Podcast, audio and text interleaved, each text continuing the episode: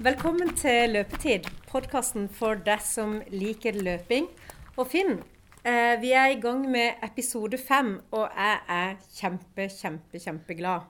Ja, du har ikke vært sur på noen av de andre, men du er ekstra glad, så er du sprudla når du kommer på kontoret i dag. Så det var hyggelig.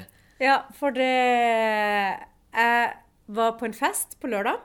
Eh, veldig, veldig fin eh, fest, og som ikke hadde noen ting med løping å gjøre. De pleier ikke å ha det. Men eh, etter dansegulvet og orkesteret skulle ta seg en pause, så kom pianisten i orkesteret bort og spurte om det var jeg som hadde en podkast om løping. Og tro meg, Ja. det er noe av det beste jeg har opplevd i mitt liv. Jeg ble så glad. Så nå er drømmen din gått i oppfyllelse. Ja, så nå trenger jeg ikke å lage noe mer podkast. Podkastkjendis. Så bra. Nei, men det, Nei, kan, det det var, ja, det var si- kjempegøy. Eh, litt sånn løpsrelatert glede fra min del òg. Jeg arrangerte utdrikningslag for en kamerat som skal gifte seg nå om en måned. Og vi og han er gamle konkurrenter da, på løpebanen eller friidrettsbanen. Og vi hadde konkurrert mot hverandre borte i Sandnes, eller mellom Ryn og Sandnes, for 25 år siden. Da hadde jeg funnet det i treningsdagboka mi. Han vant løpet, jeg ble nummer to. Så når vi var der borte nå, så overraskende, én time før start, så var det det samme løpet igjen. Eh, Var litt lengre, nå, for det er jo seniorklassen. Og da måtte han løpe 9,5 km terrengløp. Og det var kretsmesterskap i terrengløp. Så vi heiv på en hel drakt, og så sprang han dette som første post på utdrikningslaget sitt. Så gøy. Løp du sammen med han da, eller? Nei, så visst ikke. det, det var på et vis min revansj, da. Så jeg sprang nest, ja, så, så godt jeg kunne, og så sprang han sitt. Men det som var gøy, da eh, Det var en litt sånn tøff utfordring for han, for han trener jo ikke noe løping nå. Det er at dagen etterpå, når vi oppsummerte hva vi hadde gjort Nå skal ikke jeg ta alt vi gjorde her, men da ser han at det definitivt det høydepunktet sånn i ettertid, det var å få delta på dette løpet. Så gøy. Så kom han tilbake liksom i den arenaen som han kjente godt før. Han traff gamle venner og kompiser. Og nå har han satt seg et mål og skal delta på et lokalt terrengløp her til høsten. Noe som heter Svalandsklubben. Ja. Så det er gøy. Han heter vi- Arild Sandstøl. Begge to har hatt eh, kule løpsopplevelser på miljøer som egentlig ikke har noen ting med løping å gjøre. Du Nei. på utdrikningslag, og jeg på fest. Ja, det henger ofte sammen. Du, vi var jo fra sist, bare sånn kort oppsummert, der var vi innom hjerteflimmer. Da var jeg inne og sjekka hjertet mitt, som da gikk greit. Eh, og det fungerer fortsatt. Absolutt. Ja. Og det for, jeg har nå hatt det på nytt, altså flere ganger på trening, der jeg på et vis bare sier greit, eh, jeg kjenner, jeg skjønner at du er der, men nå går vi videre. Så fortsetter jeg å trene. bra. Så var vi innom eh, Eivind som var syk. Og så hadde vi intervall i Baneheia, der du og Eivind sprang og peste dykket. Det var litt av en opplevelse. Ja, vi skal innom egentlig litt det samme temaet igjen i dag, for du har vært og løpt sjøl. Og så hadde du vondt i hofta. Ja, Og det tror jeg du har fortsatt. det har jeg fortsatt. Ja. Men det gir seg litt før. Det går ikke så Ja. lang tid før det på en måte slipper, da. Så det, og så har jeg tøyd veldig mye. Ja, Og og sist øvelser. eh, så tøyde du for mye. Ja. Ikke sant, Du gjorde det hver dag, og så være litt forsiktig med det. Prøv også i hvert fall ha en hvil da imellom. Ja. Og det har jeg holdt. Ja, bra. Og, det, og du husker jeg Maren sa til deg at dette er ikke noe som slipper på dag nummer én. Du kommer til å måtte holde på litt grann tid før det faktisk vil bli bedre. Og da håper jeg kanskje på neste episode, så, så vil jeg forvente at du skal begynne å bli bedre, altså. Så bra. Ja. Så, eh, men det er jo sånn, fordi om jeg hadde vondt i hofta og har fortsatt litt vondt, så er det jo ikke eller sånn, Det er ikke så rart. Det er ikke bare jeg som får vondt av å trene. Eivind har jo også hatt litt vondt. Og er det sånn at Ja. du tenker at eh, du kan skylde litt på andre? Men det som var gøy, da For når Maren var her, så hadde hun undersøkelse på deg med din smerte i hofta, og så gikk hun til Eivind, som hadde vondt i leggen. Mm. Og det viste seg jo at de to skadene henger veldig tett sammen. Skade i leggen og skade i hofta. Så hvis vi gjenger inn i den situasjonen der Maren òg undersøker Eivind, kan vi ikke det? Mm, Ja, for det gleder meg faktisk ganske. Sånn, Maren. Nå står vi her i dag med, og skal se på en ny skade. Og nå er vi så heldige at vi har fått med oss Eivind. Eh, Han er jo trent veldig lite, egentlig. Eh, Når eh, han begynte å trene tidligere i vår, så syntes han at det å løpe på mølle funka veldig fint. Eh, Og så har jeg prøvd å tvinge han litt ut. Og etter to økter nå så har han klagd at det gjør litt vondt nedi leggen. Eh, Og mistenker sjøl at det kan være noe du kaller beinhinnebetennelse. Og kan ikke du forklare litt til Maren da, og til lytterne hvordan mm. det kjennes ut? Og så kan Maren prøve å se om dette stemmer, og hva vi kan gjøre med det. Mm.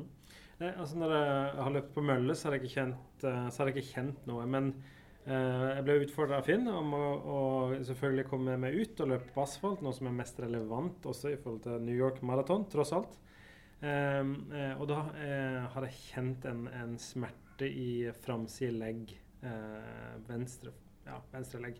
Ne, um, mm. Mm. Kan- Hvordan kjennes den smerten ut når du sier smerte i Ja. framside? Det høres veldig sånn formelt ut. Men Ja, det, det er en sånn, hva skal vi si er det når du, når du treffer bakken? Ja. Eller er det? Mm. Akkurat når jeg treffer eh, bakken, altså. Eh, jeg prøver å løpe midtfot, forfot, og kjenner det eh, når jeg treffer bakken. Mm. Så det støtet mm. Støtet, da er- kjenner jeg at det, det er en slags ilende smerte framside, framsidelegg. Mm. Ja. Mm. Jeg så, rett før vi begynte å spille inn, så var du nede og kjente på den, morgenen. Hva Mm. er det du kjenner for noe? Eller hva kjenner du det vi, eh, vi trykka på da, var det Nei, det som vi kjente på da, var jo beinhinna di. Mm. Og du var spesielt sår på nederste delen av Mm. beinhinna. Mm. Og noe som jo Og ut ifra det du forteller òg, gir Mm. meg mistanke om at du har liksom beinhinneproblematikk. Mm. Hva er det derfor nå, det da? Er det, er det muskulaturen som festes inn på denne beinhinna, Ja, da, eller vi har inn mot beinet? På, eh, på, I skjelettet eller på beinet så har vi ei hinne rundt, eh, Rundt som vi kaller periost, nei, rundt beinet. Å ja. Og det er den hinna som er mest innervert av, eh, Eller altså, der du har mest nerver og nervetråder og sånn. Det er derfor det blant annet gjør så vondt å få et kakk i leggen. ja, Hvis det man er sparker i leggen, Ja. ikke sant? for at der er vi veldig sår.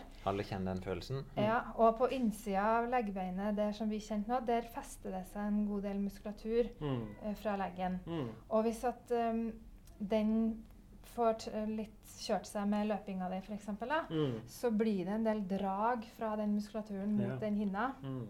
som til, etter hvert kan gjøre at den hinna blir sår. da. Ja, så det er, bare, det er egentlig sårhet han kjenner, så dette draget det, det blir sårt, og så gjør det vondt. Mm. Mm. Men er det, er det, finnes det noe håp? Er det, hva gjør en for noe når en begynner å få bein inn? For mange vil jo da stoppe å, løpe. Ja, og her er jo veldig, eh, vi har jo prata litt om det før, at det er veldig ofte en sånn oppstartsplage. Liksom nybegynnerplage. Mm. Folk som springer jevnt og trutt, det sjelden Mm, har, eh, har noen problemer med det her. Så det er ganske sånn busted Men det er typisk eh, litt sånn nybegynnerplage. Og det som er viktig da, det er um, å prøve å kartlegge på hvorfor får du det Mm. her. Det kan være flere forskjellige årsaker til det. Det kan komme fra foten din, hvilken måte du løper på Mm. med foten. Det kan komme fra hofta di, i forhold til hvordan du stabiliserer helt oppe til hofta. Mm. Som kan forplante seg nedover i kjeden og i systemet. Det er nå det begynner å bli komplisert. Det, da begynner Ja. det å komplisert. Og det, dere har jo prata litt eh, Eller vi har jo prata litt om før å se litt på måten Mm. du løper på. Og det Mm. kan jo være en idé hvis sånne plager begynner å Mm. dukke opp, og se om er det noe eh, som disponerer deg for sånne type ting her, da. Mm. Og så er det også sånn at når du når du begynner å løpe, så setter du det utrolig stort krav til leggmuskulaturen. Mm. Den får jo kjørt seg skikkelig, særlig på asfalt og hardt underlag. Eivind han er faktisk noen flotte legger. Vi så det når vi testa han. Ja. Han ser ut som en sterke legger. Jeg vet Mm. ikke hvorfor, men Mm. uh, Ja, altså det er vel at jeg har gått rundt med 120 kilo og Ja. fått litt trening. Ja. Ja.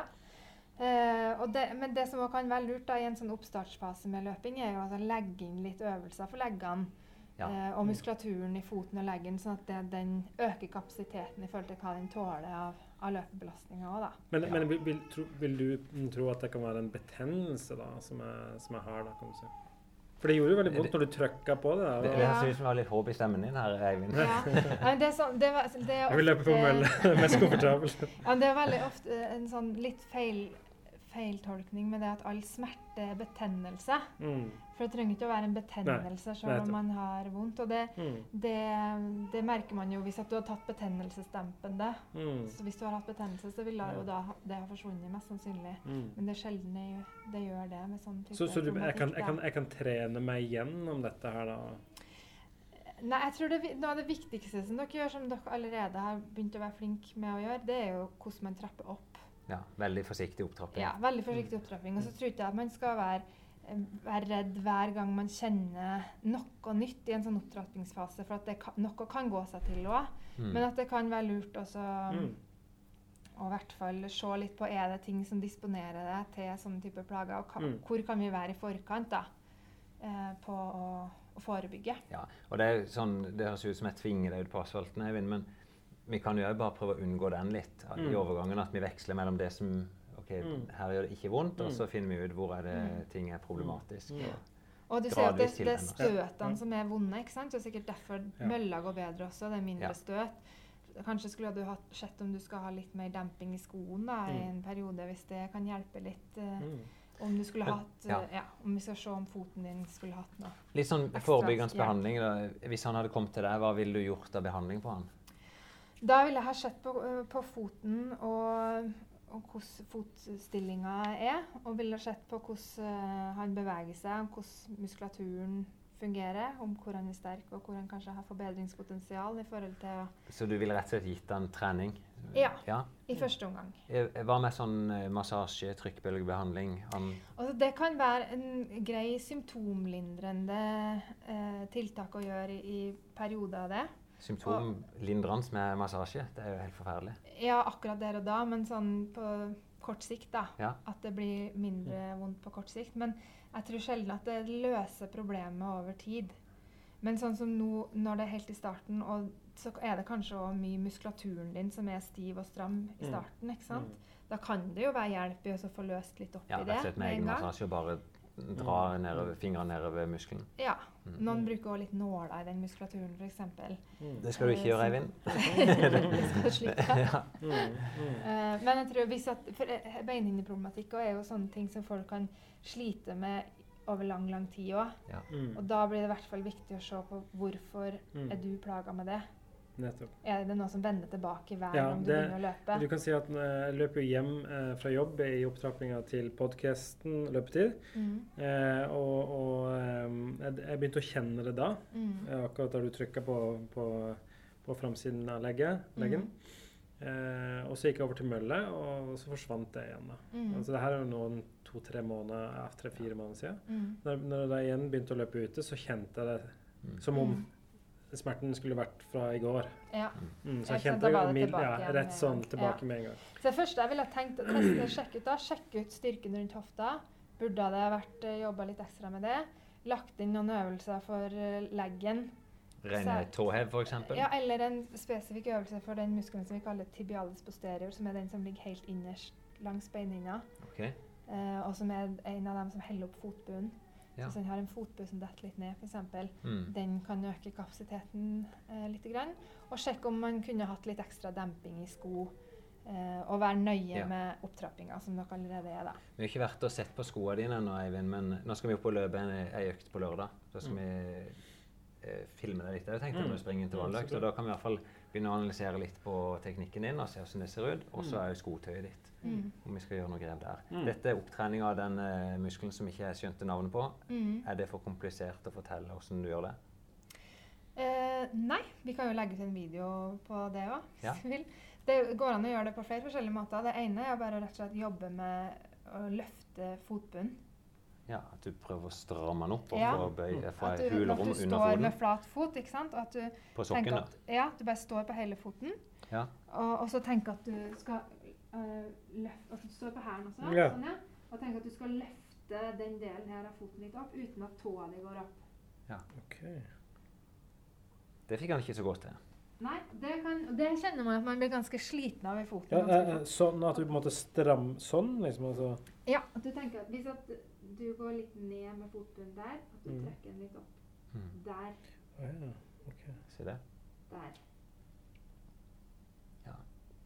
Så vi er litt tilbake da, Maren, til at eh, selv en sånn beinhinne, vondt i beinhinna kan skyldes svake hofter og òg svak fotbue i bånn. Ja, og jeg tror at muskulaturen i foten blir veldig ofte glemt. Mm. Ja, i selve Ja. fotbladet, vil vi kalle det. Ja. Ja, fot og, og dem som styrer foten, da. Mm.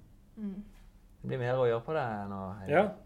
Jeg, em, eh, jeg vil jo selvfølgelig tilpasse meg mest mulig løping ute, men eh, på asfalt. Men jeg vegrer meg litt for det. Mm. Nettopp pga. at jeg har kjent litt o- eh, Kjent eh, spesielt framside legg. Eh, Mm. og så ble jeg litt sånn ah, Søren, jeg kjenner det igjen. Mm. Jeg, jeg hadde håpet at de tre-fire månedene eh, på mølle hvor jeg ikke har kjent noen ting, Ja. at det hadde vært liksom Ja, men da, da har kroppen fått restituert. Men Ja. jeg kjente det veldig fort igjen. Det er jo ikke mer enn to-tre økter, så Mm. hadde jeg kjent det igjen ute. Ja. Men jeg tenker at man veldig fort burde ha sett litt på løpesteget Mm. eh, ditt. Og skoene sikkert òg. Jeg er litt sånn i tvil om hvor stabile de skoene er. Ja. Det er greit. Da gjør vi det på lørdag. Så bra. Takk skal du ha, Maren. Bare hyggelig. Du, Finn, nå har jo jeg vært ute og løpt eh, en del ganger.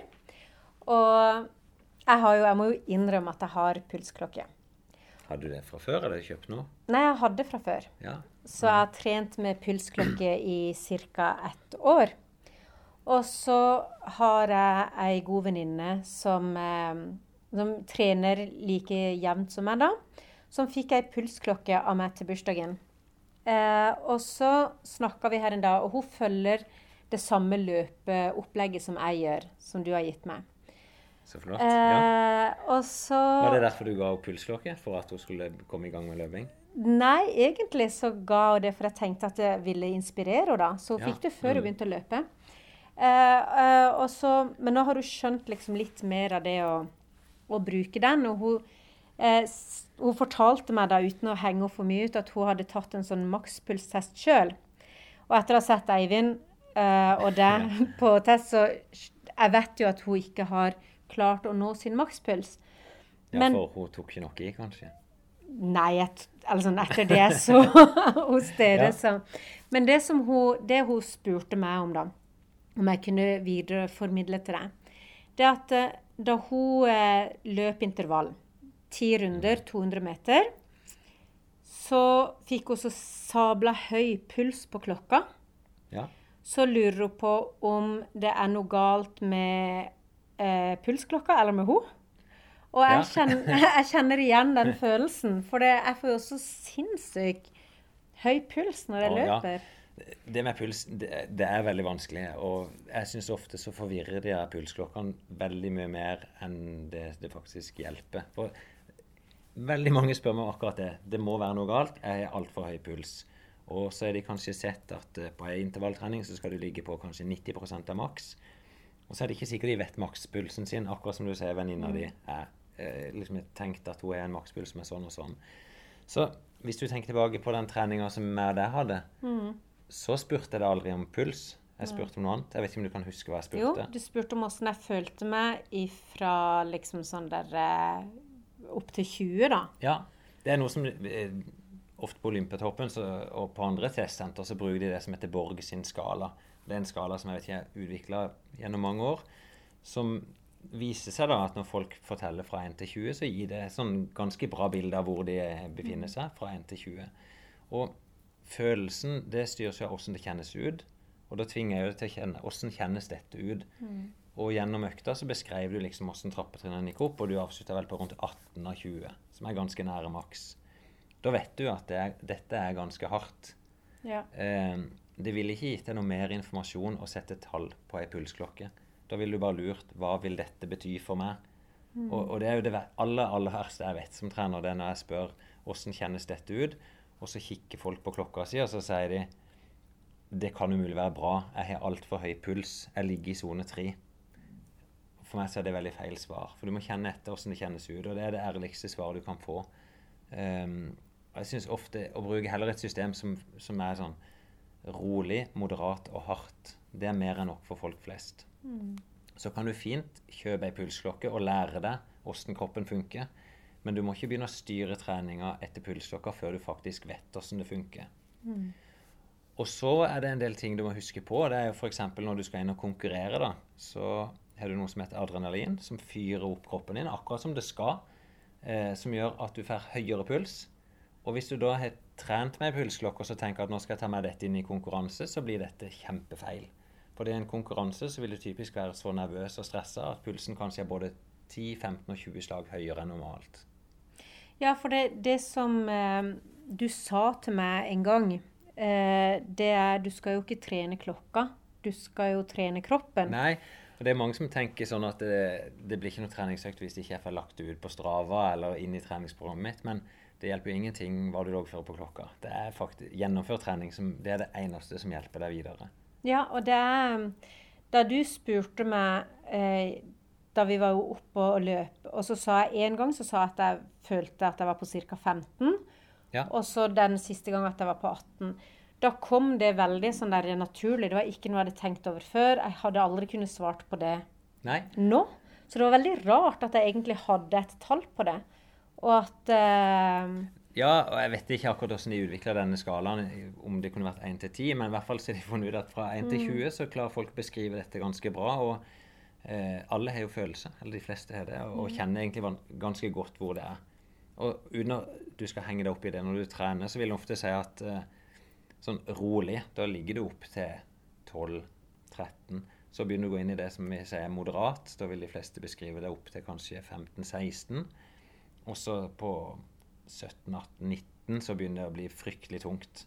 20 er jo maks. Da ligger du bare død på bakken etterpå. Ja. Ehm, det er et bedre mål for de aller fleste å styre etter det. Og, og veldig mange toppløpere ja, de, de loggfører trening. altså De har pulsklokka på, men de styrer ofte etter følelsen.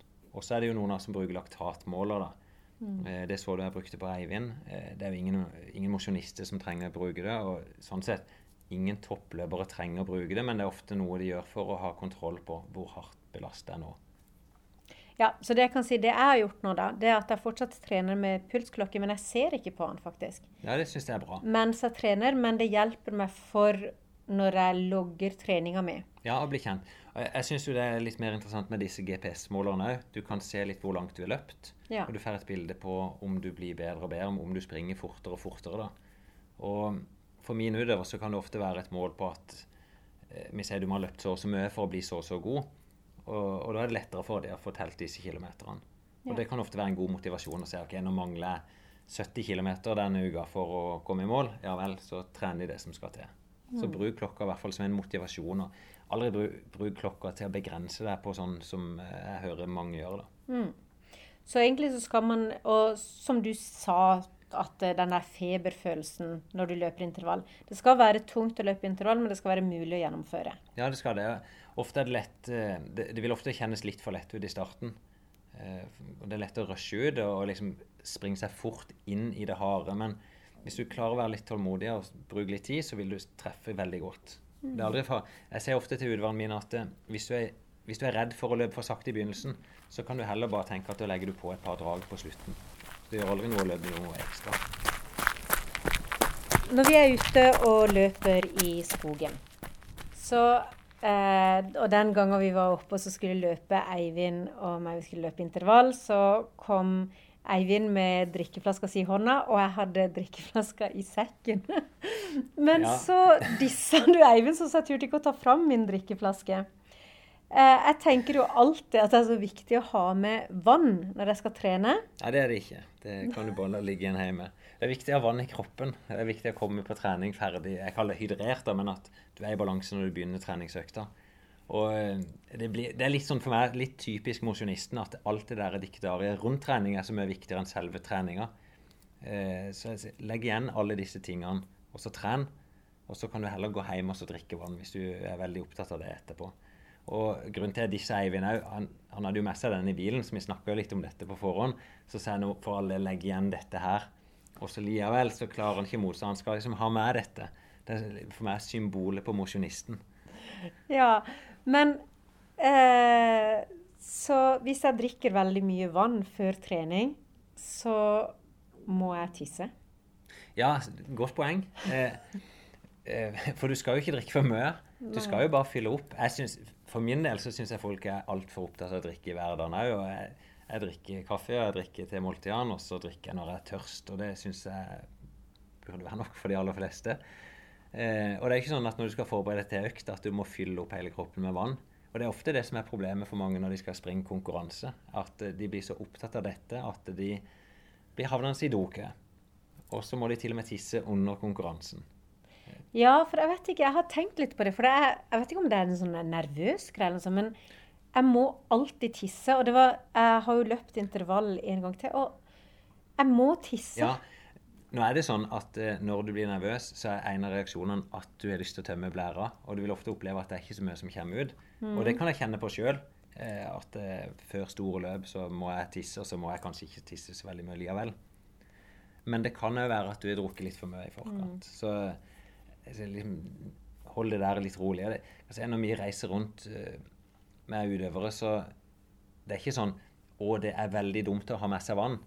For det at når vi, når vi var i Portugal for eksempel nå, og, og det er 5-26 grader varmt, og de skal løpe kanskje intervalløkt som varer en time, så vil det være fornuftig å ta til seg noe å drikke underveis. Men da blir det på de øktene som de vet er spesielt utfordrende.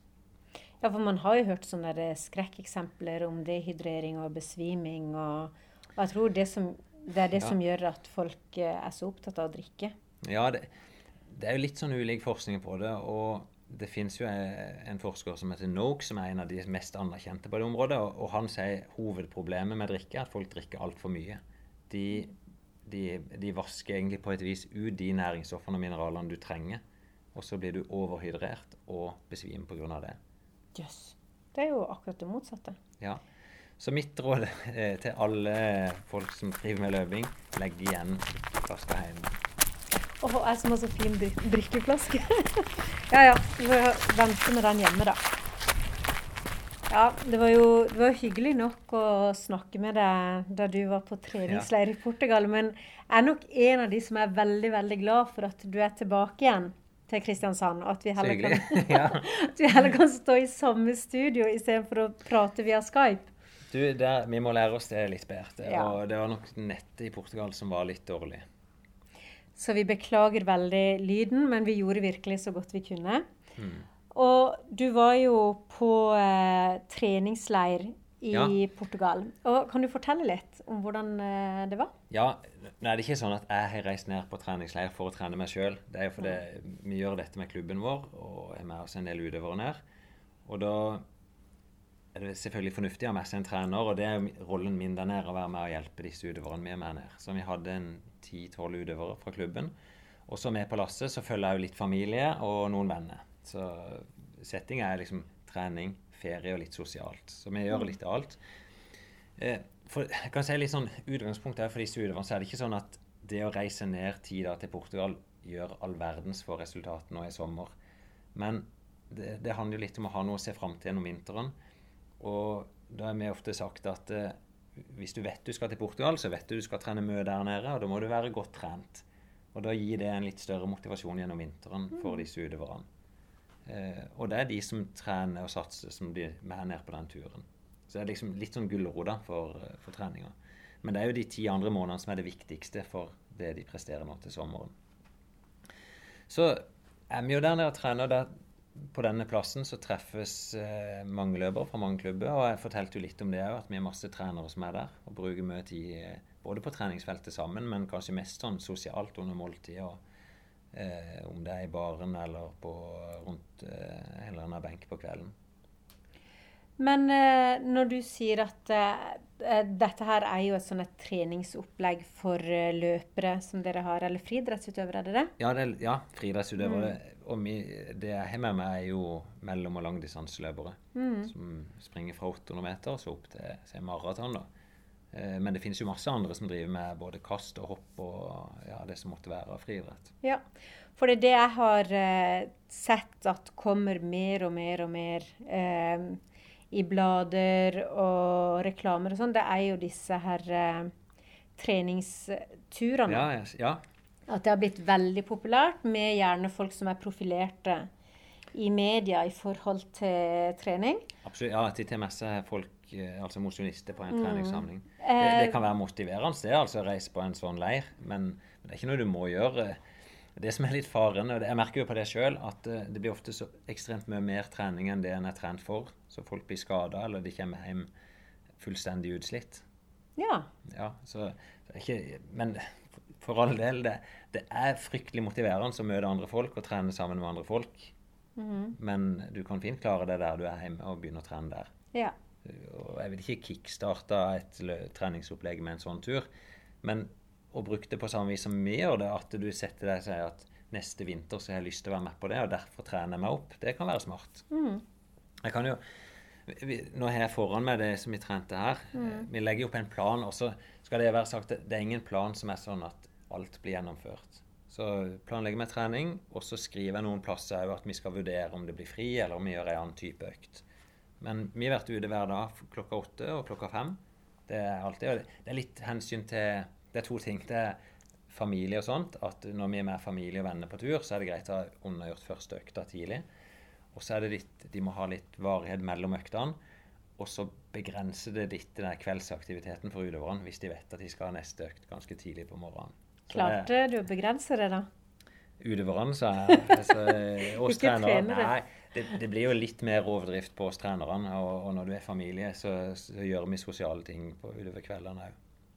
Men det det ofte er, da, så er det ei rolig økt på morgenen. og rolig for oss, det er stort sett fra hvis en sier fra 8 til 12 km løping.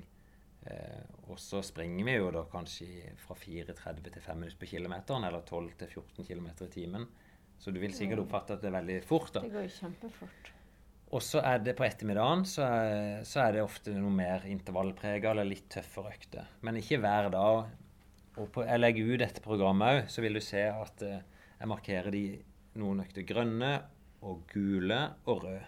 Der grønt er rolig, gult er moderat og rødt er hardt. Og da ser du på ti dager i Portugal, så er det ei hard økt. Og så er det to, fire, fem gule økter. Og, og det er sånn typisk. Det kan være, som du ser, eh, 10-14 km progressiv løping. Altså da starter de moderat. Og, og dette kan for han utøveren som gjorde den økta der, så starta han rundt 3,50 på kilometeren. Og så endte han opp på 3,05, altså nesten 20 km i timen. Eh, vi er fartsleg. Vi har snakka om kenyansk fartsleg tidligere. To minutter eh, innsats, ett minutt jogging. Eh, vi er seks ganger 2000 meter. Eh, moderat med ett minutts pause. Og hardøkta her, det han endte ut med, det var 8000 meter på banen. Og da var det om å ligge i snitt over 20 km i timen på hvert av de dragene. Oi. Det er hardøkter. Det er hardøkt. hard. Så dette er ekstremt. Så for den utøveren, eh, han heter Christian Kjørnom, han sprang på de ti dagene var det 22 mil ca. Så mellom 20 og 25 km om dagen. Det er ganske mye trening. Men tenker jeg restitusjon, er ikke Ja. det en av de viktige Jo, men det er litt sånn Når du trener, så blir du Du, du blir sterkere og sterkere, og det krever Altså disse øktene krever ikke så mye restitusjon for han. Ok. Så, og litt av tanken vår, hvis du ser på slutten av treningsleiren òg, så er det bare fra søndag til onsdag så er det bare ei moderat økt. Det var ti ganger 1000 meter. Eh, da er han relativt klar når han kommer tilbake igjen.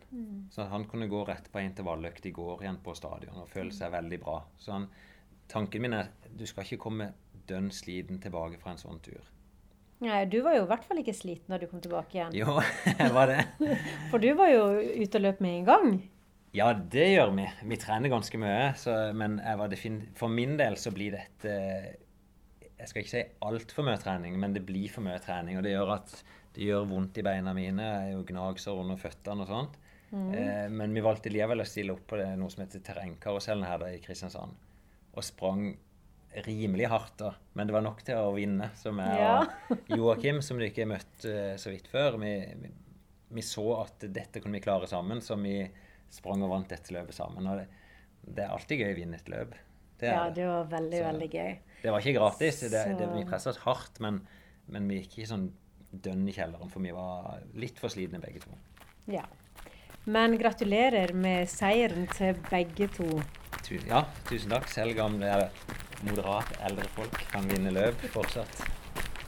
Mens du var i Portugal og koste deg og trente, så skulle jo jeg prøve å løpe intervall alene. Ja, du skulle ikke bare Eh, prøve, du skulle, du skulle gjøre det. Og jeg gjorde det. Ja. Eh, og ett spørsmål som jeg stiller meg, det er jo hvorfor skal jeg egentlig løpe intervall? Oh, ja, ja. Det ja, men det er et veldig godt spørsmål. Og, og det er en historie om hvorfor en gjør det, og det er noen gode grunner. Men før vi svarer på det, kan Mm. vi ikke først gå inn i den situasjonen du var? For du tok med deg båndopptakeren og du har spilt inn Yes. noen av disse dragene. Så kan Mm. folk høre åssen det er først. Ja. Ja, da er oppvarminga ferdig, og jeg står ved vannet, som jeg skal løpe ti ganger rundt. Jeg kommer til å løpe fem ganger, og så ta et lite opptak og fortelle hvordan det går, og så fem runder til. Så jeg kan ikke Da må jeg ta litt lengre pause, men det skal gå fint, det tror jeg. Jeg tror ikke jeg får stryk av Finn eh, av den grunn. Så må jeg løpe med mobiltelefonen i hånda, sånn at jeg har ikke noe stoppeklokke. Sånn at jeg, jeg kan ta sånn cirka tida på rundene, for jeg skal holde med de fem første på rundt eh, i underkant av ett minutt, og så må jeg løpe fortere de fem neste, tror jeg husker. Åh, ah, hjelp. Ja ja, men da er jeg klar. Snakkes etter fem runder. OK. Åh, fem er løpt. Jeg har holdt meg på ett minutt. 1.002 rundt der. Jeg har fått skikkelig vondt i den ene hofta. Jeg må tisse. Hva for igjen?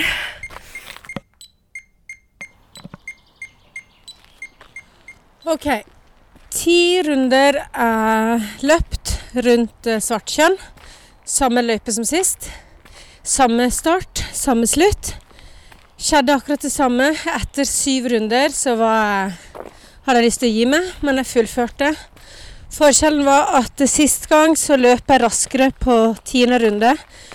Og det var tydeligvis takket være Finn, for denne gangen gikk det seinere. Skikkelig, skikkelig vondt i hofta nå. Spesielt eh, den høyre. Og tro meg All respekt til dere løpere, Finn og resten av gjengen som driver med dette hver eneste dag og i mye, mye større skala. Jeg angrer på hvert påskeegg som jeg spiste gjennom hele uka i løpet av løypa. Det var skikkelig pain. Men nå er jeg ferdig, og nå er jeg egentlig superfornøyd og tenker at dette her kan jeg jo egentlig gjøre igjen. Så så ille kan det jo faktisk ikke ha vært. Du, her var det mye gøy å ta tak i. Eh, jeg merka meg Det gjør så vondt i hofta. Jeg må tisse. Jeg klarer ikke å øke farta. Eh, Ja. Og det var litt annet enn når vi var der oppe sist. Sist så pusha du deg òg, men er liksom tanken nå etterpå? Du hører deg sjøl. I mine øyne så sutrer du det litt i starten, og så to-tre minutter etterpå så er plutselig konklusjonen din Men det er jo ikke så ille. Dette kan jeg gjøre igjen. Ja, det går veldig fort fra å være bekmørkt Ja. til at uh, jeg føler meg helt sånn klar for en eh, ny treningsrunde, og at jeg gleder meg til neste gang. Og jeg er nok ikke bevisst på hvor himla negativ jeg er mens jeg trener eller løper, da. Nei, nå kom det jo litt sånn usensurert ut fra Ja. ja. ditt Ah. Jeg tror dette er helt typisk når folk trener intervall. Og særlig når du gjør det alene. For det er så lett å bli oppmerksom på alle de vonde tingene som liksom Hvordan kan kroppen få deg til å stoppe og roe dette ned? Og så leier du etter unnskyldninger for at du bare kan stoppe. Både på trening og i konkurranse. Og eh, jeg møter det sjøl, men faktisk eh, når jeg tenker meg om For jeg måtte tenke litt etter jeg hørt den episoden din. At eh, hva gjør jeg sjøl før jeg intervalløkt som jeg skal trene alene? Og da forbereder jeg meg faktisk på det. At eh, hva kan jeg gjøre for at dette skal bli positivt? Eh, jeg forbereder meg på at jeg åpner rolig nok. Og det vil si hvis jeg springer på ei tredemølle, så, så starter jeg bevisst mye lavere enn det jeg vet jeg kan. For da, det vet jeg nå av erfaring, at det gir meg en sånn positiv boost å kunne øke farta. Og så er jo litt sånne tanker som, jeg har, som kan gå på teknikk. At jeg istedenfor å fokusere på hvor vondt det er, så fokuserer jeg på åssen jeg gjør ting. Har jeg den rette frekvensen? Slapper jeg av i skuldrene? Klarer jeg å øke farta? Og så hele tida prøve å få ja på disse spørsmålene.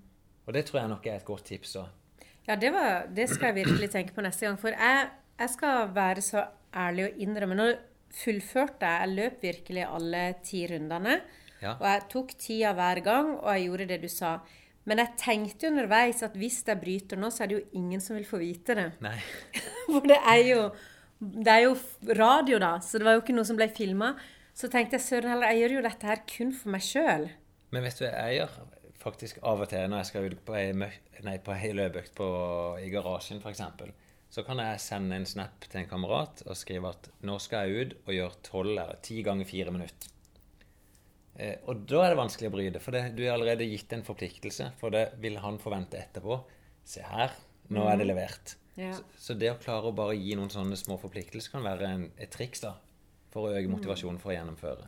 Ja, for det var, eller jeg føler jo en forpliktelse i forhold til podkasten. Og det er, det er gøy når, det, når jeg er ferdig, og det er litt det som jeg må venne meg til, da. Jeg tror jeg må bare få den erfaringa. At eh, det, det er en god følelse etterpå. Det er jo sagt litt sånn flåsete at du blir god på det du trener på. Og sånn er det jo med intervalltrening òg, at du blir bedre og bedre til å finne gode måter å gjøre dette på.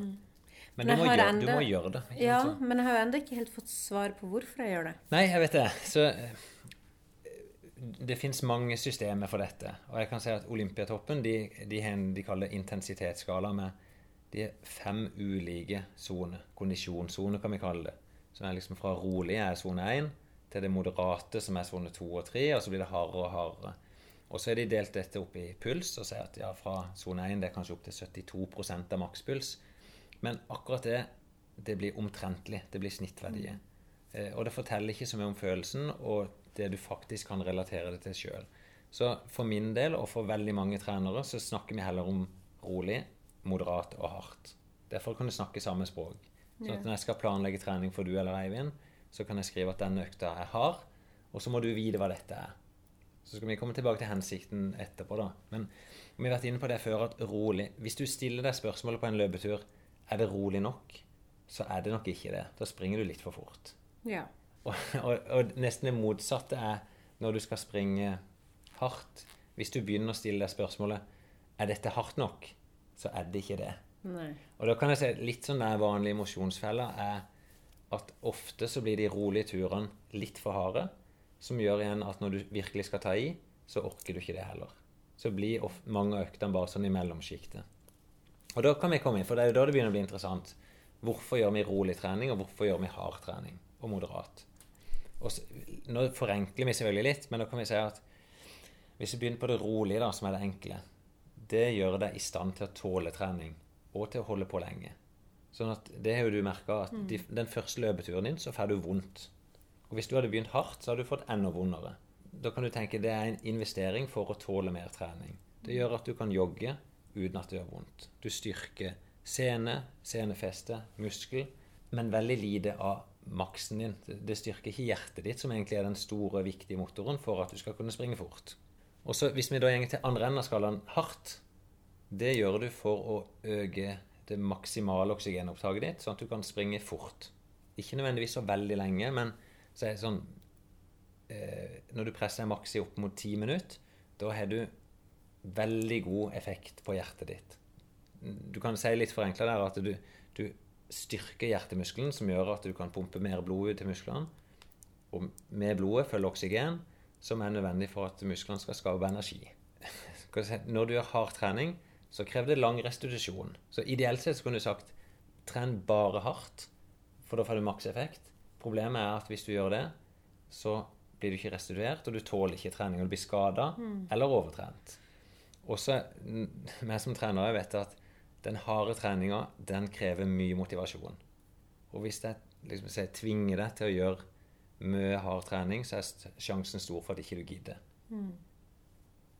Og så er det jo det som er midt imellom. For det at når du gjør den harde treninga, så kan du ikke holde på veldig lenge. Da må du, la oss si, Når du trener opp imot maks, så kan du holde på kanskje 10-15 minutter. Og det er jo liksom det forskerne Alle har hørt om fire ganger fire-trening, som forskerne oppe i Trondheim har funnet ut at det er det mest effektive du kan gjøre. Ja, men det er bare 16 minutters trening. Og du kan, kan ikke gjøre dette så ofte. Men hvis du tenker motsatt, at du, du senker intensiteten litt, sånn at det er moderat Vi hadde jo en intensitetsskala fra 1 til 20 der jeg spurte når du løp intervall, og så sa jeg hvor hardt er det nå. Så når du sa sånn 15-16, da er det moderat. Da har du liksom litt den der feberfølelsen som Eivind snakka om. Litt følelse av ubehag, men du kjenner på deg sjøl at da kan du holde på lenge. Da er du faktisk oppe på kanskje 90% av makspuls. Eh, da har du egentlig veldig god effekt på hjertet, men du kan holde på lengre. Og derfor er det mange da som trener mye moderat i store volum. Da har du liksom tre typer trening som du kan gå mot. Og hvis du da skal bli god til å springe f.eks. en 10 km eller halvmaraton, så må du gjøre en del av det moderate for å få nok varighet på treninga. Hvis du bare trener en makstrening, så blir du, du si, da blir du veldig god på 3000 meter eller konkurranse som varer 10-15-20 minutter. Men for å tåle de konkurransene som er lengre, så må du òg ha det mer moderate. Og så liksom helt til opprinnelsen på spørsmålet når du spør hvorfor intervall, så kan vi nesten si at for det er en av de mest behagelige måtene å trene hardt på. Og for mange minutter som er hardt. Eh, for det at når du, Hvis vi deler opp f.eks. i bolker på fire minutter eller ett minutt, så har du målet så nært at du klarer å pushe det opp imot maks flere ganger.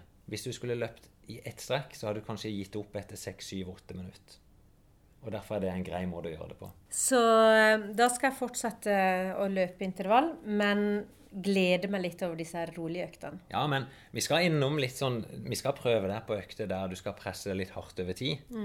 Eh, men det er liksom når du begynner å bli vant med trening, jeg synes da er det greit å innføre det. Så jeg skal fortsatt eh, Jeg liker jo bedre og bedre disse her eh, rolige øktene, da. Ja. Og de blir lengre og lengre. Ja, og det er det viktigste for meg. At det skal være Eivind, vi er tilbake igjen. Yes. Eh, Jeg har vært i Portugal, og du har nå brukt noen uker og trent sjøl. Og eh, det som gleder meg litt, er at du har hatt din første løpetur med kona di. Jeg rapporterer litt sånn jevnlig nå at nå har jeg forstått poenget. Ja. Ja, Hvilket poeng er det du har forstått? Nei, altså du, du var jo eh, veldig tydelig mm, med meg helt fra starten av å ikke kjøre sånn type lapskaustrening med intenst og sjeldent. Ja, Det er ikke nødvendigvis lapskaustrening, men jeg var litt opptatt av at du skulle få gleden i å trene. For Ja. det jeg så på deg, at eh, du, du sa jeg er typen som må ta all out, Yes. men så gjorde du det så sjelden. Ja. Og i utgangspunktet så gjorde du det kanskje aldri etter hvert. Mm, ja. Mm. Så du kan si den overgangen som jeg også har vært inne på tidligere podcast, så er det jo at eh, eh, da jeg jobba frilans og, og, og hadde mye tid eh, fleksibelt, så greide jeg også da Da hadde jeg også overskuddet til å presse meg hardere og oftere. Men med lange dager på kontoret, sånn åtte og en halv time osv., så, videre, så har jeg ikke alltid det overskuddet. Og da har jeg ikke greid å opprettholde dette intensitetsnivået. Så da har det vært sånn at nei, i dag orker jeg ikke fordi jeg vet den økta kommer til å bli veldig intens. Så da dropper jeg det isteden. Ja, Du sutra jo på at eh, det var så hessel å skifte til treningsøy bare for 20 minutter. Ja, det, det stemmer. Ja, Ja, det stemmer. Sånn at det, det Så det mener jeg litt at du har, det du har utfordret på, Finn, det har jeg på en måte eh, tatt tak i nå. Og, og føler at hvis jeg greier en runde rundt søm annenhver dag, Ja, og en runde rundt søm det er 4,5-5 km. ja, Ja. så, så, så, eh, så det er godt nok for meg nå. Ja. Føler jeg. Og det er veldig bra. Og, Fordi da tenker jeg det, det er bedre enn ingenting. Ja. Mm. og føler du at det, det hjelper? Ja, jeg føler det. Mm. Åssen? Eh, jo, jeg føler også noen tips fra deg, Finn, at det må legge inn eh, inter, altså en to-tre in, eh, intense strekninger type intervall, fartslek, Ja. eh, gir en ekstra boost, sånn at når jeg er ferdig med den økta, så er jeg svett i bokseren. ja. Så det, det da er en god nok økt, altså. Ja. Tenker jeg. Det som Jeg jeg er svett og sliten. ja, Vi skal jo få skrevet ned de øktene som du har gjort, men det er relativt ukomplisert. Det er litt kortere økter. Mm. Ikke så veldig hardt, men vi kaller det fartsleg, og vi kalt det kenyansk fartsleg. Mm. Eh, er ikke veldig opptatt når du presser men at du av og til presser litt. grann. Nettopp. Mm. Og så er hele tanken min at du skal like i trening bedre, sånn at vi kan gradvis øke. Mm. For det, at det er et maraton til slutt som du skal innom. Det som er litt gøy, da, for vi har fått med eh, din bror, Erlend, Mm. og, og du er lege. Ja. Og kan ikke du beskrive liksom, Kjenner du deg igjen i Eivind når han beskriver dette med hardt? Altså det å pushe seg hardt? Ja, eh, jeg kjenner egentlig igjen det. Altså, vi, vi er nok litt sånn like begge to. At vi liker å kjenne at vi gjør en jobb. Da, at, vi gjør, at vi presser oss litt og kjenner at vi gjør en innsats. Da. At vi har litt av de samme genene der. Eller hva skal jeg si. Mm. Ja. Så eh, ja. Men- Men der Eivind på et vis mista og, og slutta å trene og begynte å gå opp i vekt igjen Og han har jo tidligere vært Jeg har aldri møtt Eivind sånn, da, men 120 kilo og litt sånn tjukkas. Mm. Og så tatt et grassat grep og gått ned, så var han på vei tilbake igjen.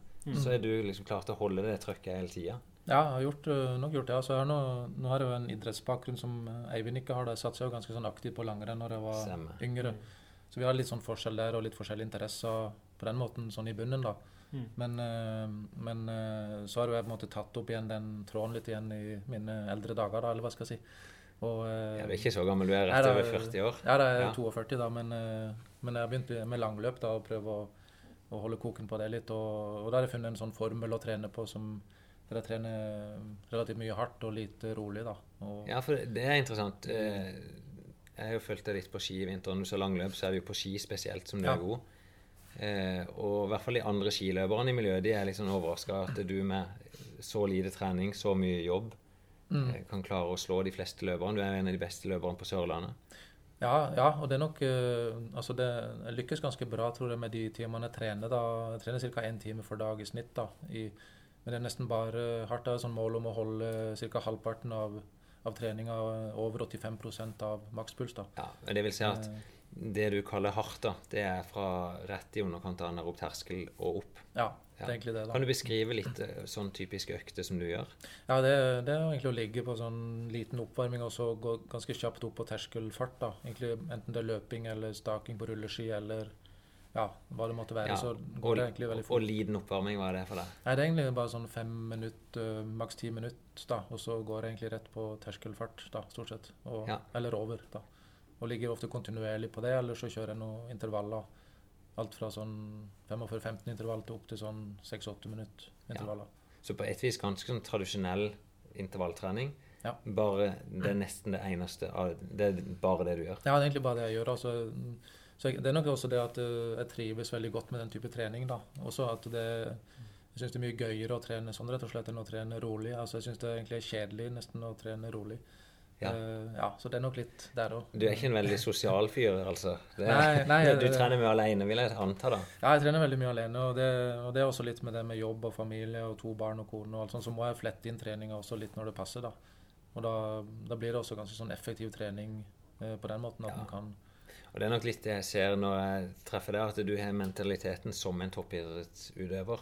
At du henger inn i trening med liksom veldig klare mål. mm, Og du har jo lagt ut video av deg sjøl der du står og stager på en stagemaskin inn mot en vegg, og det kan du gjøre opp i en time. Ja. Eh, og det er ganske tøft, altså sånn motivasjonsmessig, å holde sånne trøkk Ja, det, ja, det er egentlig det. Også, det er greit å gjøre det kanskje på ei økt, men å gjøre det økt etter økt, dag til dag, år etter år, det er kanskje det som er utfordringa, da. Å Eh, holde koken på det. Ja, for er det, det er en utfordring sånn motivasjonsmessig. Mm. Eh, er det noen andre utfordringer du møter på veien da, med et sånt regime? Eh, altså En må jo passe på restitusjon, annet. Altså, du bruker jo mye av karbohydratlagrene i kroppen. Altså, eh, så du må passe på å fylle på nok eh, energi, rett og slett, eh, for å ha, holde, kunne klare å holde trykket oppe da, på de øktene. Ja, men kjøre. når- du sier fylle på, pleier du å fylle på underveis, eller før, eller etter? Nei, Det er litt sånn før og etterpå. Av og til litt underveis òg, med litt drikke med ja, energidrikk kanskje. Og, men også måltid før og etterpå er jo kanskje det aller viktigste. da. Og Ja. passe på at en har nok eh, ja, karbohydrater i kosten. Altså typisk sånn havregrøt, pasta, ris, poteter, sånne ting. Ja, så du er nøye på de tingene der? Er relativt nøye på det for å kunne holde, ja, holde det oppe, da. Trykket. Mm. Ja. Og er det sånn, nå er, Du jobber som lege, er det et opplegg som du anbefaler for folk òg? Ja, altså jeg tenker de som har dårlig tid og vil ha mye ut av den tida de trener, så tror jeg det kan være et veldig sånn greit regime, da. Men, eh, men en må vite litt hva en gjør òg, for en kan fort eh, brenne kruttet opp og litt på den treninga. Og at det blir litt sånn litt hardt og litt eh, vanskelig å holde det trykket dag til dag, som jeg sier. Eh, så du skal nok ha en viss motivasjon og kanskje et lite mål i bunnen da, hvis du skal drive med den treninga. Ja. Eh, mm. Og tenker du nå om Eivind, der jeg egentlig snudd helt på det på hodet for han og sagt at dropp det, men begynn veldig forsiktig. Eh, Mm. hvilke tanker gjør du deg om det? Jo, altså jeg tenker jo litt både òg, kanskje. Altså, altså, mm, klart Hvis Eivind trives veldig godt med å trene hardt, så, så, så tenker jeg jo at det kan være en mulighet òg. Men uh, nå har han erfart òg gjennom uh, trening tidligere at han kan møte veggen litt med å trene for hardt for ofte. da. Så jeg tror, jeg tror det er veldig lurt å begynne i, hvert fall i den enden som Ja. dere har gjort nå. da, Og så kan en heller ta det videre seinere og legge seg på en annen type trening. Eh, hvis en finner ut at det er greit. da. Og det er nok litt det som er tanken over tid. Ja. Vet, når jeg, første økta han hadde, da var det ute i 14 km i timen på vei hjem fra jobb. Mm. Og avslutta i 10 km i timen fullstendig utslitt. Mm. Eh, Så det er litt sånn for å motvirke det å bli kjent med kroppen, bli skadefri, bygge seg sterk nok, og så være i stand til å trene godt. Det er jo tanken. Ja. Eh, Og det er min erfaring ennå som trener for mange utøvere, at de gir opp etter hvert for det når ting blir skada, eller eh, at det blir rett og slett for tøft for motivasjonen. Ja. For jeg ser jo som For min del så er det nok det at jeg har gjort dette her veldig lenge. da. Jeg har nok holdt på sånn i en syv-åtte år, ganske systematisk. Eh, kontinuerlig, da, nesten uten pause med det, dette opplegget. da. Nå Ja. ligger jeg på en sånn mellom 300 og 350 timer i året med den type trening. Eh, Styrer du treninga med puls eller følelse? Nei, egentlig litt begge deler, men mest følelse faktisk på kroppen. At en kjenner at en ikke bygger for mye melkesyre da, i treninga. Åssen kjenner du det? Jeg kjenner egentlig at en, eh, altså jeg kjenner underveis at nå, ja, nå begynner kropp, altså muskulaturen blir treg og stiv, og du kjenner du bygger opp. Altså Du skal ha en viss erfaring om det selvfølgelig og kjenne på det, men, men eh, du kjenner jo at, at det begynner å bytte mot i muskulaturen spesielt. da. Det er egentlig det Ja. som er hovedfølelsen. Det, for meg så høres jo dette veldig ålreit ut, for det er jo den følelsen jeg er veldig opptatt av sjøl på det at de må lære seg å kjenne kroppen, Mm. og ikke stole på et apparat. Mm. Men åssen når, når vi har tatt Eivind eh, begynte i januar med 84 kilo, og han skal springe maraton i november, er det noe liksom, som lege da, som du ville vært opptatt av? Vi har jo ikke sendt han av gårde til noe test og helsesjekk. Er dette trygt? Eh, Ja, jeg tror det skal være helt trygt. Altså, det er jo bare å kjenne på at en har en progresjon og en ytelse. Altså, Mm. eh, at du føler at, at du klarer å yte på øktene og Mm. holde koken og kjenne at ja, kropp og form fungerer som det skal. da. Mm. Så det er ikke noen andre sånn, forhåndsregler han trenger å ta, vil jeg si, eh, i, i forhold til det. Men, men jeg tror det er lurt å være litt sånn eh, eh, Forplikte seg litt eh, til det regimet en legger, da, på en måte, å holde koken og kontinuiteten på det. Mm. Og ikke få for mange avbrekk i, i Mm. løpet, da, kan du si. Eh, så det er kanskje hovedbudskapet mitt, som jeg tenker iallfall. Ja, så bra. Holde det Det, det er ikke så lett å få Eivind til å forplikte seg, det kan jeg si. For han vil helst gå sin egen sti. Um, Ja. Men nei, og når du sier det, Finn, så, så eh, Det var min holdning litt sånn OK, Finn, si det. Ja, du er, du er eh, ekspert på det høyeste nivået. Men tenkte, jeg har likevel tenkt ja, men jeg kan kjøre hardt og sånn. Men så tenkte jeg nå, mot New York Marathon skal jeg kjøre det samme regimet, men annenhver dag. Og det har ikke fungert. Det, har det kan jeg ta med hatten på og bare si noe med en gang. Og det har jo du skjønt selvfølgelig hele veien. Og derfor tror jeg dette her er én runde rundt søm eh, hver an, eh, annenhver dag funker nok best for meg. I hvert fall nå i starten. Ja. Um, så det er jo sånn for meg at det handler om en dialog. Så det er aldri Mm. sånn at en Nei, nei. trener da, eller en som hjelper noen, at du Mm. forteller deg akkurat hva du skal gjøre. Men Mm. jeg kan ha mange gode råd, og så må vi være enige om intensjonene, og så prøve å gjennomføre det. Så Ja. tror jeg vi sammen så kan vi Mm. få dette til å bli Mm. veldig bra. Mm. Så Og for, for min del altså, handler det som jeg er inne på overgangen fra eh, frilanstilværelsen med fleksibel tid til fast arbeidstid. Ja. Fordi det var lettere for meg, og det kan Ellen også si, at da jeg jobba frilans, eh, det var jo da jeg raste som mest ned. Og det var da også jeg holdt den, det, den intensiteten som jeg gjorde, som jeg ikke jeg føler jeg går sånne greier å opprettholde nå. Da må jeg spørre, for eh, Erlend har jo vært aktiv. Du har ikke vært aktiv skiløper. Og jeg har jo ikke konkurrert heller. Nei, når du begynte å gå ned i vekt, Mm. var du påvirka av Erlend på noe vis, eller har du funnet ut av dette helt sjøl? Jeg fant det ut helt sjøl, eh, og, og det var da jeg også bodde i Oslo, eh, uavhengig av familie. Ja. Mm. Så det var bare sånn at nå, Det var med Facebook. Jeg så bilder av meg sjøl. Jeg, jeg kan ikke be folk om å fjerne bildene, for jeg ser for feit ut på bildene, så da måtte jeg ta tak. Mm. Men det var jo sånn eh, vi, altså, Du fikk jo noen kommentarer litt, eller hva skal jeg si, vi, vi tulla og fleipa jo også litt med vekta di. Og, Mm. og jeg skulle si sånn da, og, du, og plutselig en dag så var det liksom litt sånn nok, følte jeg òg på det. At du ble litt metta på Mm. det. For du, du tålte det lenge, men tu- plutselig en dag så var det liksom Nå orka du ikke det der tullinga mer heller på, på det. Nei, jeg tror jeg ble Eh. følsom på det når jeg var veldig bevisst på å gå ned. Da Ja, det var, Da ble jeg litt hårsår på det. ja, det var nok det. Men det var fortsatt mens du var på ditt uh, Ja, men jeg tror- største. ja, det kan være det, ja. At du plutselig så merka at nå, nå var det et eller annet som skjedde i hodet ditt. At nå, Mm. nå hadde du vært tung lenge nok, på en måte. Mm. Og så Mm. endra det seg. Ja. Og da stirra du inn i veggen, og så tok du grep. Mm. Gjør det. Nei, det er motiverende. Det er, det er definitivt håp for alle. Men, men det, det passer så bra, timinga på, på ditt treningsopplegg, Finn, fordi du hjelper meg å knekke en kode, en treningskode i forhold til full jobb. Så, Ja. så ditt opplegg passer som hånd i hanske inn, eh, inn i min livssituasjon nå. Ja, jeg syns jo det er bra at Mm. du Noe av din ryggmargsrefleks var at Mm. Øy, nå kan jeg faktisk trene med kona. Mm. Og det gjør det lettere for deg å få gjennomført noen økter. Mm. Og jeg tror jo på det at det, den beste treninga er den du faktisk har gjort. Mm. Det er ikke den du skulle ønske at du kunne gjøre. Så, men til slutt, Erlend, er det noen spesielle ting du vil anbefale han å gjøre nå? Er det noen grep? liksom, Bør han gå og undersøke seg? Bør han tenke på noe kosthold? Er det noe treningsmessig? Sånn, Eh, Nei, altså, jeg vil bare råde å følge egentlig det, det løpet som du har lagt foran du med din erfaring, Finn. egentlig, altså Du har såpass mye kunnskap og kompetanse på disse tingene at eh, det viktigste tror jeg bare å følge et opplegg som, som en person eller som eh, en har satt framfor deg. da. Mm. Eh, Mm. jeg vil at du ja, bare er trofast mot det opplegget. Mm. Eh, vil jeg si også så er prinsippet å holde koken og holde et jevnt trykk eh, framover. da, og ikke få for mange avbrekk, og så passe på søvn, kosthold, hvile, Mm. alt sånt også da i, samtidig. Mm. Og ha overskudd, og, og så, at det er så, mye, så lystbetont som mulig. Du kan si, ja, Finn snakker også veldig mye om at det skal være lystbetont. eh, betont, og, og, og så tenker jeg at ok, jeg skal løpe på asfalt i eh, fire og en halv mil, så å si. Eh, og da, da må jeg tvinge meg selv ut fra mølla, som du også har vært inne på, Finn. Og, og for meg så er det også en overgang, da. ikke sant? At, Ja, og, og det er ikke poenget at du skal tvinges inn på asfalten. for det, jeg vil gjerne at du springer i litt variert terreng. mm. Men jeg tror over tid så er ikke mølla lystbetont. Nei. Da er det den der harde skallen som Mm. setter inn. Mm. Nei, men bra, og Vi skal jo følge deg videre. og, og Framover nå så vil jo det bli mer og mer tøffere trening, og du vil få noen andre utfordringer. Nå har jeg liksom tatt deg ned Mm. på et liksom forsiktig nivå, skal Mm. ha deg i gang. Mm. Og så håper jeg da etter hvert- det tar tid, men nå, begynner det å komme litt. Nei, men vi, jeg, jeg sagt fra begynnelsen, vi har veldig god tid. Det Maraton er ikke før i november. Eh, og du kommer til å liksom, Når vi begynner å trappe opp, Yes. så håper jeg at du responderer godt og fortsatt klarer å ha motivasjon. Du er så hyggelig. Takk skal du ha, Erlend. Og takk, Evin. Vi gleder oss til å følge deg videre. Vi har noen som henvender seg til oss enten på mail eller de har vært inne på nettsida vår. og eh, denne gangen så er det to ting som vi tenkte å ta tak i. Det ene var en som heter Anders Elle, som kontakta oss og lurte det, altså, det blir veldig lokalt, men han lurte veldig på hvor denne runda i Baneheia er.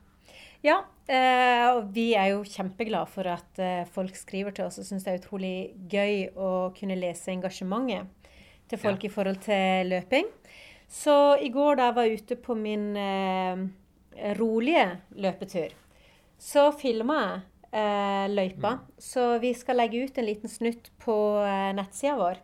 Så da kan eh, han og alle andre gå inn og se hvilken benk det er vi snakker om, Ja. og hvilken løype det er. Så, men jeg tenker jo at eh, man kan jo løpe, gjøre denne intervallrunda hvor som helst. Du, Bare ha sånn. Det var godt uh, at du sa det. For, for det er litt sånn, Mange spør meg om det, og jeg må vite akkurat eh, Var det 800 eller var det 900 meter du sa? Betyr ingenting.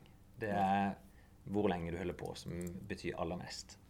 Så Ja. for din del så var det å løpe intervall ti minutter. Det var der vi starta. Så om du gjør det som ti ganger ett minutt, eller om du gjør det fem ganger to minutt, det blir akkurat samme treningseffekten. Ja. Så jeg, synes, Finn den plassen som er nærme deg, der det er minst mulig først for å komme for å få trent, og så bruke den plassen. Men du kan altså finne det på nettet, da, akkurat den der eh, svart eh, kjønnrunda i banen. Ja. på nettsida vår. Så kan de se litt åssen det ser ut akkurat der hvor vi løper. Og så eh, var det Ja, Siv Nikolaisen Ja. hun sendte oss et brev, faktisk. Ja, hun sendte på mail. Jeg, jeg tror jeg kan lese det opp. Eh, Det var litt langt her, da, men mitt navn er Siv, og jeg er trofast løper. Løper hver dag mellom 12 og 15 km. Det er mye. Da er jeg oppe i må jeg tenke, 8-9 mil i uka. Hun skriver ikke fordi jeg må, men fordi jeg vil og elsker følelsen det gir. Det kan jeg kjenne igjen, både underløping og etterløping. Og jeg er en av disse rare som gleder meg til å løpe også i forkant. Ja, jeg vet ikke om det er så rart. Jeg gjør jeg ofte det. Tredemølle, asfalt, skog, hjemmetrening, organiserte løp i sol eller i regn. Alt er morsomt. Her er de som er frelst, tydeligvis. Og jeg føler meg utrolig privilegert. Hadde noen fortalt meg for tre år siden at jeg en dag skulle løpe 24 timers løp på Bislett med 15,3 mil, da hadde jeg ristet på hodet og ledd. Um, det gjør jeg av og til òg, av de som faktisk gjør dette, så det, det er greit. Men det har jeg gjennomført. Hvor heldig er ikke jeg? Ja, det er veldig imponerende. Er nesten uforståelig at de vil springe Jeg vet ikke om du har vært på Bislett, men det er 500 meters rundsløyfe under, under Bislett. Jeg har bare sett det på TV. Og der arrangerer de 24 timers løp. Altså, altså de, de springer i Du løper i et døgn. Et døgn. Det er vilt. Men skal da- du ikke spise og sove og Jo, de gjør det. De spiser og sover. Nei, de sover ikke, men de spiser eh, underveis og til test kanskje bytte i noen sko og sånt. Å, herre Ja. Jeg er ikke, ikke- der. I, nei. Det er imponerende. Løp 15 mil i strekk. Men så skriver hun Det har ikke alltid vært sånn. Tidligere var jeg en stor røyker og røykte gjerne 20 sigaretter om dagen. Parentes, i 30 år. Men så bytta jeg sigarettene med joggesko og har siden løpt og løpt og løpt. Har også løpt i Kristiansand.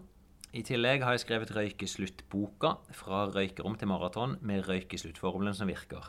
Ja. Og jeg holder kickoff for forhåpentligvis framtidige røykesluttere. Dette er noe jeg brenner for, og som jeg kommer til å fortsette å bruke tida mi mye på. Motivasjonen er at jeg selv vet hvor mye bedre livet blir, både som røykfri og som et aktivt menneske. Ja, det er jo hyggelig. Så hun har vært røyker, løpt, begynt å løpe og skrevet røykesluttebok. Så skrev hun da, fordi jeg ønsker å nå ut til flest mulig framtidige røyksluttere, har jeg spørsmål til deg, Finn. Kan dere ta opp et slikt tema i en eller flere sendinger på podkast? Absolutt. Det er så mange som ønsker å slutte å røyke, og de aller fleste sliter så fælt. Mange ønsker mentalt å gjøre det jeg har gjort, altså bytte sigarett med joggesko, men de har overhodet ikke tro på at de noen gang kan klare å løpe. Mest pga. dårlig selvtillit og dårlige løpeopplevelser i yngre år. Ja, Så vi kan snakke om røyking og løping. Ja. Det er jo imponerende. Ja, kjempeimponerende at hun eh, løper så mye og har på en måte kommet i den formen som hun er. Ja. Men eh, Finn, spørsmålet er i forhold til Vi skal jo konsentrere oss om løpedelen, da. Ja, vi, er, vi driver ikke vi ikke. Eh, eh, For min del så er løping og trening det handler om nettopp det. Det handler ikke om å få folk til å slutte med noe annet. Og det har vi vært inne på før. At uh, vi begynner ikke med løping for å slanke seg nødvendigvis, men for å komme i bedre form. Og det er så enkelt at løping begynner å hjelpe når du begynner å løpe. Det er så enkelt. Du får bedre kondis, det blir mer velvære, du blir sterkere. Alt det, selv om du fortsetter å røyke. Ja. Og, og jeg tenker litt sånn at eh, det er kjempesmart å slutte å røyke, men du må ikke nødvendigvis gjøre det for å begynne å løpe. Det er ikke liksom det ene krever Nei, det for det tenker jo jeg også. Det er jo mye bedre å begynne å løpe, og så får du jo se hva det Absolutt. fører til. Og nå skal vi ikke gå inn på all forskning, for det finnes jo enormt du kan lese om dette. Men det tyder nok på at eh, folk som røyker, er i dårligere kondis først og fremst pga. livsstilen. At røykere ofte har en mindre sunn livsstil. Ja. Kan være hisse på med noen nå, men eh, jeg kjenner mange, mange toppløpere. Altså, og når jeg sier toppløpere, så kan jeg kalle det toppmosjonister. Men som springer kanskje et maraton på ned mot 2 12 timer, en 10 km på godt under 35 minutter, som røyker. Kanskje ikke 20 om dagen, men ganske ofte, kanskje alltid på fest, og de drikker, men de trener. Og det er liksom mitt mantra. Du må ikke slutte med ting for å begynne med løping. Det er bare å begynne. Men så er det selvfølgelig kreftrisiko og sånt, som hun her kan snakke om veldig mye bedre enn det jeg kan. Så det kan godt være vi kunne tatt en prat med henne og fått henne til å fortelle sin historie, for den kan være interessant. Og det kan være motivasjon for mange i seg sjøl at de har lyst til å slutte å røyke. Og hvis løpinga kan være med på å bidra noe der, så er det selvfølgelig kjempepositivt. Men det er Ja. ikke sånn at begynn å trene. Det er, det er liksom mantraet mitt. Det hjelper. Så hvis det er noen som tenker at ikke de kan løpe fordi de røyker, så er jo det viktigste at de bare begynner å løpe. Ja. Si, det, det er jo litt sånn fysiologi oppi det òg. For hvis du begynner å tenke på hva er det som er de begrensende faktorene for en løper, så er det hjertet. Det er liksom hjertet du trenger å trene opp. Det er den store motoren. Og den blir ikke så veldig mye belasta eller ødelagt for det om du røyker. Det er jo først og fremst lungene, at det slimer ned lungene, som eh, vil være vondt. Og folk kanskje, de oppfatter kanskje det at nei, nå har jeg røykt, og nå får jeg ikke luft ut i kroppen. Men akkurat det er som regel ikke det begrensende. Det er bare størrelsen på hjertet ditt. Og òg selvfølgelig litt av tre muskulær trening og beina og sånt. Så jeg sier begynn å løpe. Det funker. Ja. Men eh, vi får ta og snakke med henne, så kan hun fortelle litt om sin erfaring. Skal få lov. Så nå begynner det å nærme seg slutten på episode fem. Mm. Eh, men vi har jo ikke tenkt å gi oss. Vi skal jo lage litt mer. Ja, ja. Vi har tenkt å gi oss med episode fem, men vi skal fortsatt lage mer. Det kommer til å gå fram til i hvert fall til vi har vært og løpt maraton. Mm, I New York. Ja. Så hva skal vi ta fatt på neste gang? Eh, vi skal i hvert fall ha noen tema. Eh, jeg tenkte at vi kunne gå litt sånn mer grundig inn på løpsteknikk, for det spør folk meg om. Og så prøve å ta det nøye liksom fra grunnprinsippene, hva er det viktigste, og så helt ned til liksom, hva er det du kan terpe på for å få det siste lille ekstra. Det tror jeg folk eh, kan synes er litt moro. Så eh, kan jo jeg fortelle jeg kommer til å løpe sentrumsløpet til helga. Jeg tenkte kanskje, jeg hørte du skal inn til Oslo, at du kan ta med spilleren inn der. Ja. Så kan vi kanskje få snakke med noen gode løpere. Du kan få snakke med meg rett før start, og så kan du få oppleve kanskje ditt første løp fra sidelinja. Ja, det er spennende. Ehm, så har vi jo hatt Maren som eh, Hun var jo snakk om kneskade. Eh, det er hennes yndlingsskade, for det er der hun er spesialist. Så vi skal snakke om det. Løp og kne, og hva er det som kjennetegner de ulike typene skader du kan Og det er vel et sted mange får vondt. Mange kjenner det i kneet. Er det ikke? Det er i hvert fall det jeg har følelsen av. Ja, det, det er litt sånn som tr- løpetrener, så er det mange plasser folk får vondt. Det er Mm. liksom typisk sånn hofte, knær, legg, akilles Mm. og under foten. Det er veldig vanlig. Men kne er jo definitivt et av de, og det vanligste jeg hører, er jo at eh, Nei, jeg kan ikke drive med løping, for jeg får så vondt i kneet. Mm. Så, og der har Maren en del gode svar. Ja. Og så tenkte jeg vi kan begynne å snakke litt om Holmenkollstafetten. Eh, vi skal ha fire lag fra vår klubb inn her. Jeg kan fortelle litt om hva som er viktig hvis du skal forberede til en sånn type stafett. Som veldig mange av de som hører på her, de er jo mosjonsløpere som har lyst til å komme litt i gang, men så plutselig skal de løpe med bedriften eller idrettsklubben sin på en etappe som bare kanskje er 800 meter eller en kilometer. Og helt til slutt, Finn. Ja. Eh, jeg skal jo fortsatt eh, løpe intervall, og jeg skal ta mine 20 minutters eh, turer, som er blitt litt lengre. Ja, og det, Eh, og så er det jo på en måte eh, Jeg har ett spørsmål, da. For eh, hun gode venninna mi med pulsklokka, hun Ja. spurte om vi skulle løpe sommerløpet. Eh, og da sa jeg at jeg hadde tenkt å spørre deg om det. Jeg trenger ikke å ta bestemme meg nå. Men ja, da skal du løpe sommerløpet. Det er klar oppfordring. Hva skal løpe? Nei, Det er jo flere distanser. Du skal definitivt ikke velge verken trippelen med maraton, halvmaraton og 10 km. Du skal Takk. ikke løpe maraton. Jeg, jeg vil nok Jeg tenker heller anbefaler ikke deg å begynne på noe maraton. Jeg ville vurdert både 5 km og 10 km. Mhm. 5 km er liksom folkeløpet der du kan komme deg i gang. Og, og hvis målet er liksom å fullføre et løp, oppleve en sånn superstemning midt i Kristiansand by, og ja, da er det løpet for deg. Og så hvis du har lyst til å ha den lille utfordringa at oi, jeg må faktisk strekke meg litt, så velger du 10 km.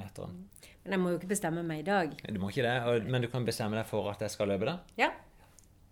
Så kan du begynne der. Og så kan jeg si du kan melde deg på, men så kan du endre distanse etterpå. Det var jo en kjempegod idé. Og det, jeg sier det til alle. Finn deg noe forpliktende. Det er så lurt. Så når du er påmeldt, så er det liksom Det er veien til å si Nå er det ikke noe vei tilbake. Nå har jo du en historikk at du har meldt deg på løp før, så Ja, regn, vet du, det er en dårlig ting for meg. Men eh, da kan vi jo egentlig bare si til folk at det er å ta på seg løpsskoene og komme seg ut. jeg syns det. Det er jo vår i lufta. Så Det er det. velkommen.